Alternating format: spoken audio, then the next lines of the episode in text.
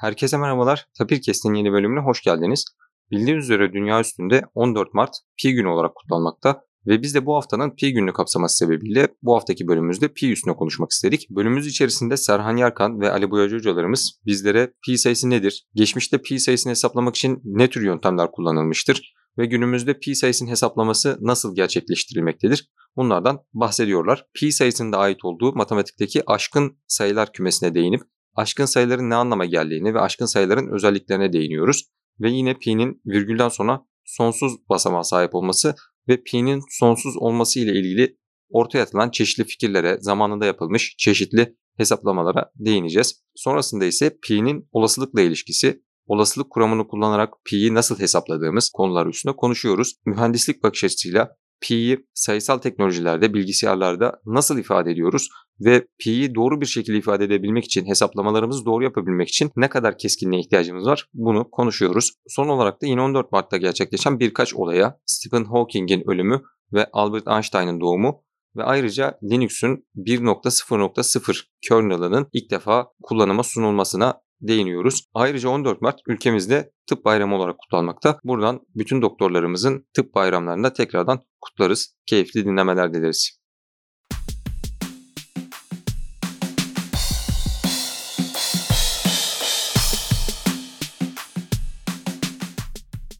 Sayın Serhan Hocam, Ali Hocam öncelikle Dünya Pi Günü'nüz kutlu olsun. Hoş geldiniz. Hoş bulduk. Hoş bulduk Ali. Hocam 14 Mart 2022 tarihinde sizlerle Pi'yi konuşmak adına bir araya geldik. Öncelikle Pi nedir diye başlamak istiyorum. Pi Yunan alfabesinin 16. karakteridir. Tabii önemli olan kısmı bu değil aslında. Pi sayısı bir sabiti gösterir bizim için. 3.14 diye bildiğimiz bu sabit aslında bir çemberin çevresinin çapına oranıdır. Peki hocam çemberin çevresinin çapına oranı insanların dikkatini nasıl çekmiş? Böyle bir şeye niye ihtiyaç duyuyoruz diye bir soru geliyor insanlarına. Yani pi'nin ortaya çıkışında temel olarak ilk hesaplamalar yapılırken buna neden ihtiyaç duymuşuz?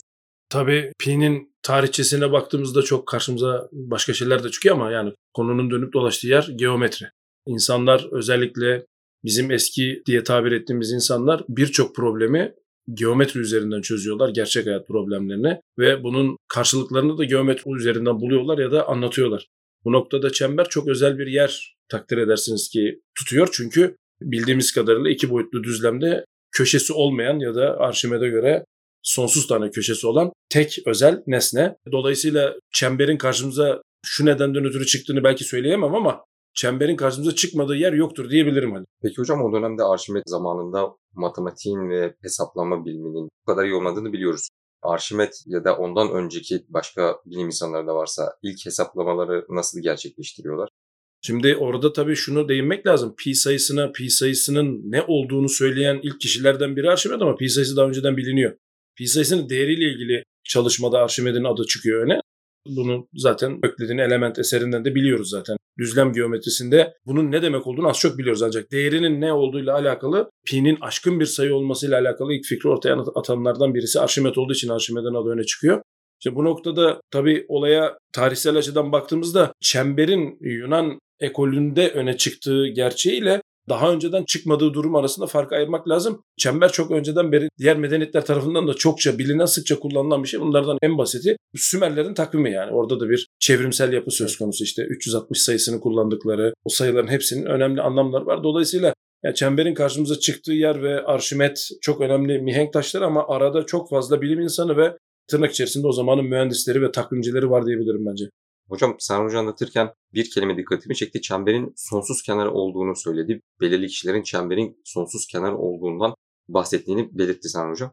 Peki bu medeniyetlerde dedik Sümer ya da Yunan eski çağ medeniyetleri.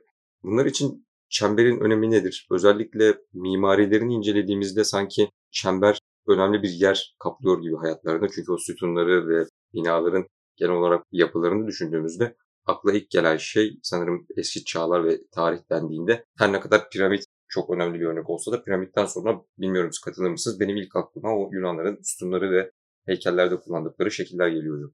Bunu biraz daha tek bir kültür ya da tek bir milletse mal etmekten ziyade genel olarak geometri olarak bakmak lazım. Geometri zaten hemen hemen bütün toplumların temelinde ilk uğraştıkları bilim türlerinden bir tanesi. Orada da hatırlarsanız ilk bize öğretilirken bir noktayla başladı her şey. Tek bir noktayı koyduk. Daha sonra ikinci bir nokta koyarak bir çizgi oluşturduk.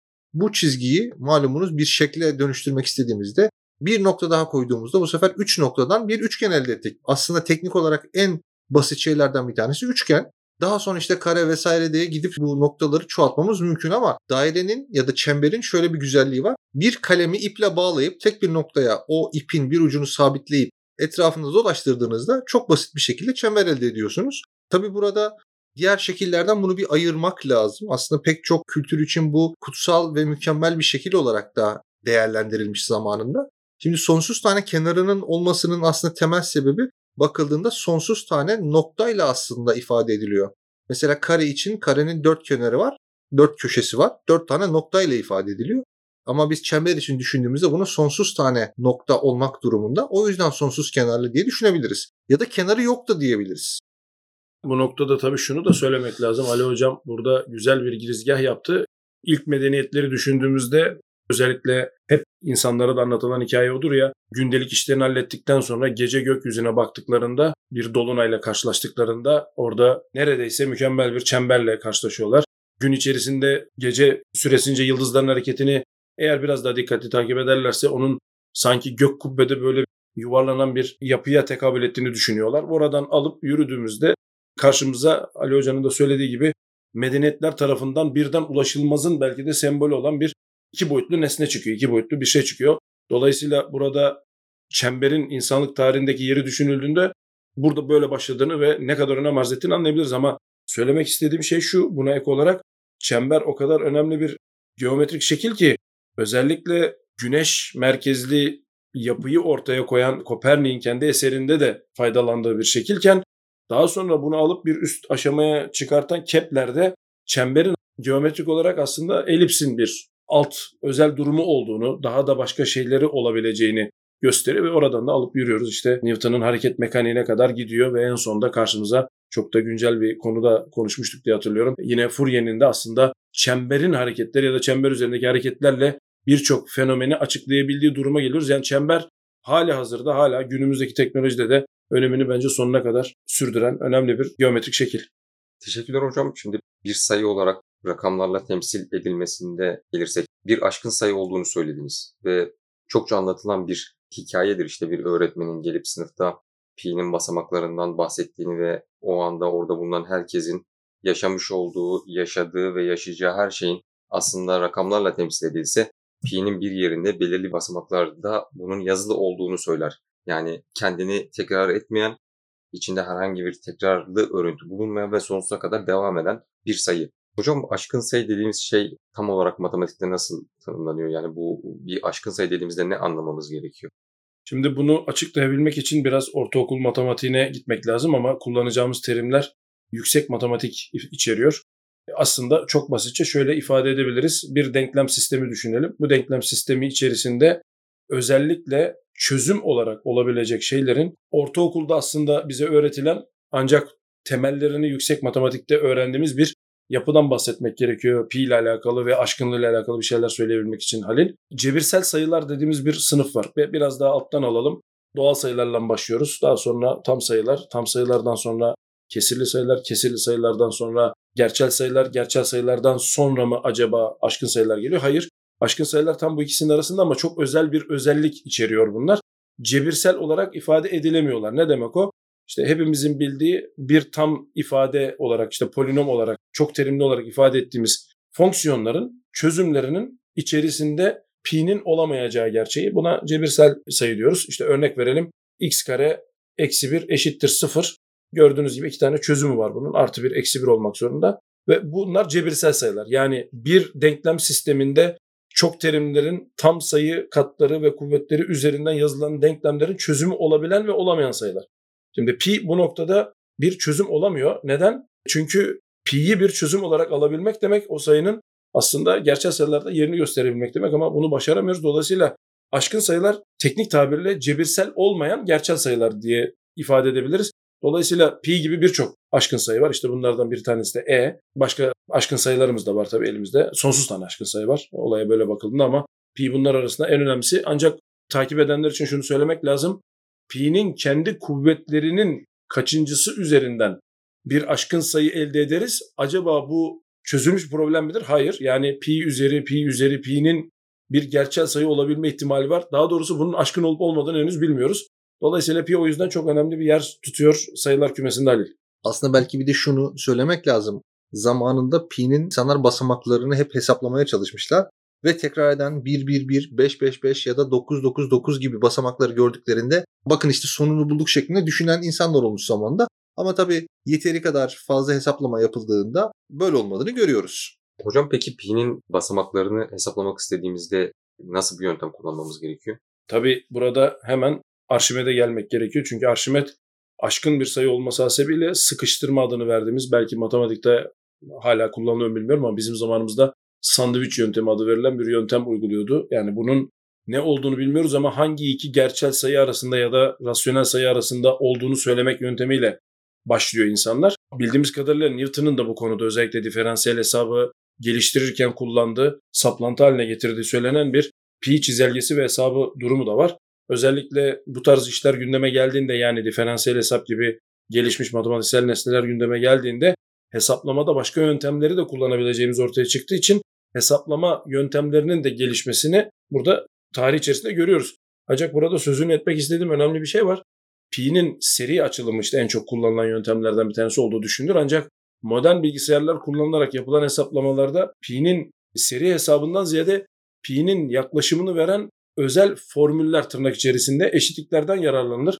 Bildiğimiz kadarıyla Ramanuja'nın da bundan bir tanesi var ancak şu anda kullanılan yöntemin olup olmadığını bilmiyorum. Ona bakarız. Özellikle yani makinelerin daha hızlanması ve daha etkin algoritmaları kullanarak bunu nasıl yapacağı ile alakalı mimarileri bile değiştirilirken dolayısıyla günümüz makinalarında pinin hesabı eğer bir standart bir cep telefonu kullanıyorsanız ya da bir bilgisayar kullanıyorsanız bunun için en basit haliyle seri açılımından yararlanabilirsiniz. Belli bir hassasiyette bunu verirler. Ancak rekor kırmak isteyen insanlar bu yöntemi kullanıyorlar. Hayır. Çok özelleşmiş, yakınsaklığı bilinen çünkü diğer serilerin yakınsak, yakınsama oranları çok düşük. İlgilenen arkadaşlar bakabilirler. Daha hızlı yakınsadığı bilinen çok özel eşitliklerden yararlanılıyor. Dolayısıyla pi'nin günümüz hesabı ikiye ayrılıyor. Rekor kırmak isteyenler ve bunu normal hesaplamalarda kullanmak isteyenler, normal hesaplamalarda kullanmak isteyenler çok fazla işlem gücüne sahip olmadan çok fazla hassasiyet gerektirmediği için standart seri açma yöntemini kullanabilirken rekor kırmak isteyen insanlar yakınsaklığı hızlı olan özel eşitliklerden yararlanıyor hadi. Hocam mesela en son baktığımızda sanırım 62.8 trilyonuncu basamağına kadar bir hesap yapıldığını görmüştük. Özellikle sizin bahsettiğiniz pi'nin basamağını hesaplamak için hesaplayanlara ait bir çalışmaydı.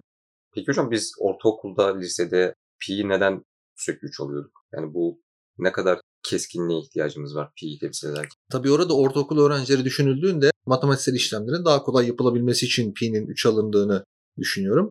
Aslında mesela 22 bölü 7 olarak aldığımız hesaplamalar da var. Bu tabii mühendislik olarak bakıldığında ne kadar keskin sonuçlara ihtiyacınız olduğuyla alakalı.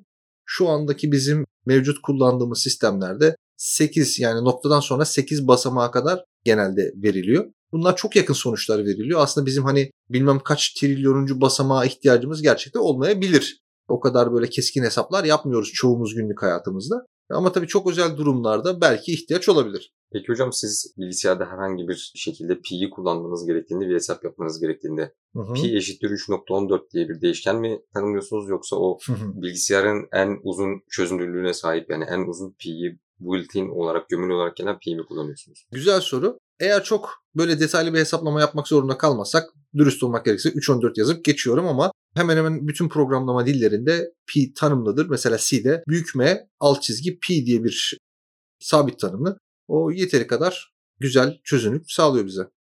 Ee, Sen hocam peki siz hangisini tercih ediyorsunuz? Genelde kendiniz mi tanımlarsınız yoksa gömülü olarak geleni mi kullanıyorsunuz? Sayısal işaret işleme uygulamalarında ve haberleşmede özellikle radar gibi hassas işler yapılıyorsa aslında Ali Hocam da biliyor. Biz onun bilgisinden çok yararlandık bu konuda. Genelde kullanacağınız maksimum çözünürlüğü kullanmayı tercih edersiniz. Çünkü bazı durumlarda yapacağınız hesapta seçtiğiniz çözünürlükte bir basamağın oynaması yapacağınız işte çok dramatik hatalara yol açabilir. Dolayısıyla biz genelde haberleşme ve işaret işleme uygulamalarında özellikle seninle daha önce konuştuğumuz işte frekans bölgesini ifade etmekte eğer bir şeyleri hassas bir şekilde yapmak istiyorsak mimarinin bize verdiği üst sınır neyse orada hesap yapmayı öngörürüz, tercih ederiz. Ancak Ali Hocam'ın da dediği gibi bazı durumlarda kullanıcıya bilgi vermek gerekebilir. Sadece o bilginin de belli bir çözünürlükte olması kafidir. O zaman tabii ki o çözünürlükten feragat edilebilir ama genelde sayısal işaret işleme uygulamaları gömülü sistemler üzerinde yapıldığı için ve yapıp kurtulduğumuz için maksimum çözünürlüğü kullanıp hayatımıza öyle devam ediyoruz genelde. Hocam bölümün başlarında bir örnek vermiştik. Pi'nin aşkın bir sayı olduğu için kendini tekrar etmeyen bir şekilde basamaklarının sonsuza kadar gittiğinden ve bunun içinde aslında herkesin hayat hikayesinin, TC kimlik numarasının, isminin, soy isminin belirli rakamlarla eşleştirilmesi halinde bulunabileceğinden bahsettik. Peki bu ne kadar gerçek? Biz bu basamaklardan herhangi bir bilgi elde edebiliyor muyuz? Bu basamaklar bize herhangi bir bilgi sağlıyor mu hocam? Şimdi kısa yanıt evet. Neden? Çünkü dediğin gibi noktadan sonra ortada bir olasılıksal durum söz konusu olduğu için ya da biz bunu bilmediğimiz için olasılık kuramını kullandığımız için her şeyin orada olması gerektiğine inanıyoruz. Neden? Çünkü pi bir aşkın sayı. Dolayısıyla noktadan sonra eğer pi sayısını ifade etmek istiyorsan bütün sayıları sonsuza kadar raksatman gerekiyor. Dolayısıyla her şeyi bir sayıyla ifade edebildiğimiz varsayımıyla orada her şeyin olması gerekiyor. Sadece doğru yere bakmak lazım. Örnek veriyorlar. Veri tabanları da var bildiğim kadarıyla çevrim içi. TC kimlik numaranızı yazıyorsunuz. Size bunun mevcut veri tabanı içerisindeyse eğer yerini söylüyor işte senin TC kimliğin şurada. Hatta çok meşhur bir çalışmada yanlış bilmiyorsam işte Shakespeare'in bir eserinin bile tamamen pi içerisinde bulunabileceğini zaten bu bakış açısıyla söylüyor. Geçenlerde Ali Hoca ile de konuştuk. Yani pi sayısının özel bir durum değil. Bu olasılık kuramıyla alakalı bir şey ama pi sayısını bugün konuştuğumuz için konuşuyoruz. Yazılmış olan, yazmakta olacağımız, yazacağımız ve henüz yazılmamış olan bütün her şeyin orada olduğu ütopik bir düşünce. Bu gerçek mi sorusunun yanıtı olasılık kuramı dahilinde evet. Neden? E çünkü elinizde sonsuz olduğu zaman tırnak içerisinde yapabileceğiniz şeylerin sınırı da ortadan kalkıyor. Dolayısıyla pi sayısının böyle bir ifadesi mümkün. Dediğim gibi DNA diziliminizden tutun da kainattaki bütün moleküllerin pozisyonları bile pi sayısı içerisinde gömülüdür dediğinizde bunu yanlışlayamıyoruz. Çünkü sonsuz tane haneniz olduğu ve böyle bir gücünüz, böyle bir hesaplama yeteneğiniz var ise eğer zaten bunu yapmak için de her şeye muktedirsiniz sonucu çıkıyor elde. Şimdi demin Serhan Hocam'ın bahsettiği şey Library of Babel. Arkadaşlar onu açıklamalara da eklerler. Orada da var. Teknik olarak sonsuz kaynak verildiğinde bütün olasılıkları yan yana koyduğunuzda illa bir yerlerde bir paterne, bir örüntüye rastlıyorsunuz. Hocam peki pi'nin basamaklarının tekrar etmeyen örüntülü olduğunu tekrar tekrar söyledik ve bunun içinde Ali Hoca'nın da söylediği gibi olasılıksal olarak sizin de söylediğiniz gibi her şeyin var olabileceğinden bahsettik. Peki mesela bir rastgele sayı üretici yapmak istesek pi'nin basamaklarını kullanmak bunun için elimizde kısıtlı kaynaklar varsa mantıklı bir şey midir? Olasılık ve pi'nin ilişkisi nedir? Açıkçası bunu merak ediyorum. Pi'nin basamaklarını rastgele değerler olarak kullanabilirsiniz. Problem yok. Fakat bu gerçek rastgele olmaz. Bu pseudo yani sözde rastgele olur. Bunun da sebebi siz birkaç tanesini bilirseniz bunları arama yaparak bir sonrakinin ne olduğunu çok rahat bulabilirsiniz. Tabii ki hani basamakların arasında yani atıyorum ikinci basamakla üçüncü basamağın, üçüncü basamakla dördüncü basamağın arasında doğrudan bir ilişki yok. Burada atıyorum rastgele bir tanesini seçip bunu söylerseniz evet bu rastgele bir sayı olabilir. Ben de şöyle bekleme yapmak istiyorum Halil. Pi'nin örnek veriyorum 372. basamağında noktadan sonra 372. basamağında hangi rakamın olduğunu söylüyor olmak bir olasılıksal sorudur. Ta ki 372. hesap etmeye kalkana kadar. Hesap etmeye kalkarsanız bu sayı artık olasılıktan gerçel deterministik bir sayıya dönüşür. Dolayısıyla soru hep hesaplanamayan kısmı için gündeme gelmektedir. Ancak ben probleme ters yaklaşmak istiyorum Halil. Pi'nin belki bir rastgele sayı olarak üretilmesi, pi'nin bir rastgele sayı kaynağı olarak kullanılmasından çok rastgele olayların sonucunda pi'nin elde edilmesinin daha ilginç olduğunu düşünüyorum. Takipçilerimiz belki biliyorlardır. Amerikan bayrağı üzerine hep öyle anlatılır literatürde. Amerikan bayrağının o şeritli yapısı düşünüldüğünde onların arası belli yatay eksendeki şeritler. Elinizde de o ikisi arasındaki maksimum uzaklığın biraz daha kısa boyundaki bir iğneyi rastgele havaya fırlattığınızda bayrağın üzerine düşmek kaydıyla bayrağın üzerinde o iki strip arasında, o iki şerit arasında yaptığı açı sürekli olarak tekrar edildiğinde bunun ortalaması alındığında pi'ye yaklaştığını görüyoruz. Yani üstünde kalanın altta kalana oranı ya da işte burada ortaya çıkan açıların. Dolayısıyla buradan şu sonuç çıkıyor. Sonucunun pi'yi verdiği böyle rastgele süreçler var ise pi'nin aslında rastgele süreçler tarafından da temsil edildiği bir sayı olduğunu anlıyoruz ki bu az önce konuştuğumuz şeylerin tamamen dışında olmayan ama yeni bir bakış açısı. Bu zamana kadar yaptığımız konuşmalarda pi'nin hesaplanabilirliği üzerinden bahsetmiştik ancak bu pi'nin hesaplanabilmesi yönteminde deterministik algoritmaların kullanılma zorunluluğunu ortadan kaldıran bir bakış açısı. Tersine de gitmek mümkün. İşte kaçıncı basamağa yaklaşmak istiyorsanız genelde öyle anlatılır bu hikaye. Sizin yapmanız gereken rastgele deney sayısıyla bunun arasında bir ilişki var. Merak eden arkadaşlar için açıklamaları da bu deneyi koyabilirsiniz Ali. Teşekkürler hocam. Bugüne Dünya Pi günü diyoruz. Ancak şuna da dikkat çekmek gerekiyor sanırım. Ali Hoca da bundan bahsetmişti. Aslında Türk takvimine göre, bizim kullandığımız takvime göre tarihi 14.3 yazarken Amerikan takvimine göre 3.14 olarak yazıyoruz. Pi'nin en yaygın olarak bilinen değer olan 3.14'ü temsil ettiği için aynı göründüğü için bugünü Pi günü olarak kutluyoruz. Tabi ayrıca baktığımızda 14 Mart Türkiye'de tıp bayramı olarak kutlanıyor. Buradan bütün hekimlerimizin ve sağlık personelimizin tıp bayramında bu vesileyle kutlamış olalım. Buna ek olarak bilim camiasında isimleri sıkça geçen ve hemen hemen herkesin bildiği, magazinsel olarak da bildiği aslında Einstein'ın doğum günü ve Stephen Hawking'in ölüm günü olarak geçiyor. Bir de ben şöyle bir ekleme yapayım. Bugün 1994 yılında Linux'un 1.0 versiyonu yayınlandı. Bu arada şunu da söylemek gerekiyor. Özellikle Linux gündeme geldiğinde geçenlerde konuşulmuştu. Hatta geçen yıl buna ait çalışmalar hakkında bir bilimsel çalışma yayınlandı. Pi'nin hassasiyeti ve kullanılan kütüphaneler gündeme geldiği için özellikle Python diline ait kullanılan kütüphanelerde işletim sistemi tabanlı hesaplama yapıldığı ve bu hesaplamaların birbirinden farklı olabildiğine dair bir bilimsel çalışma yayınlandı. O yüzden Linux'un aslında Pi ile beraber hayatımızda ne kadar önemli bir yer tuttuğunun da ayrıca yani bilimsel camiada da ne kadar önemli bir açık konuşmak gerekirse araç olduğunu gösteren önemli bir gelişme olduğunu düşünüyorum Ali. Hocam tekrardan Pi gününüzü kutluyorum ve katıldığınız için teşekkür ediyorum. Görüşmek üzere.